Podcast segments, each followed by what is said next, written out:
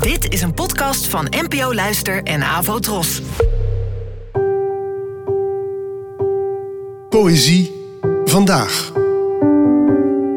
Met Ellen Dekwits.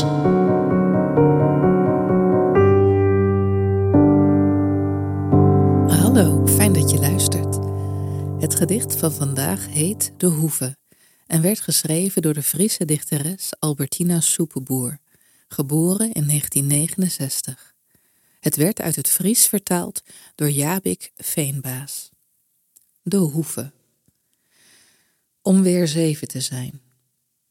Zoals het riet ruikt in de winter. Mijn houtjes krassen over de gracht. Op zolder schimmelt het oude stro.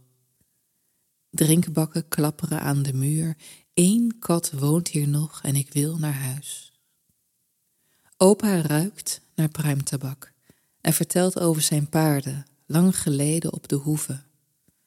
Oma schilt bergen aardappels, wortels. Ze zwijgt. Ik lust geen stampot. S'nachts zitten ze bij me aan het bureau. Ze zijn nooit dood geweest, zeggen ze. Ik huiver en schuif de staldeuren van het geheugen wijd open. Ze eten pap uit de grijze pan met de witte vliegwolkjes. De lepels tikken langzaam in mijn blauwe kommen. Ik ben altijd weer zeven. Dit vers is een van de mooiste terugblikken die ik ken. Iemand denkt aan haar jeugd op het platteland.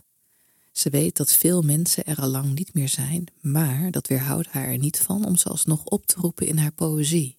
En, zo schrijft ze zo mooi, de staldeuren van het geheugen wijd open te zetten.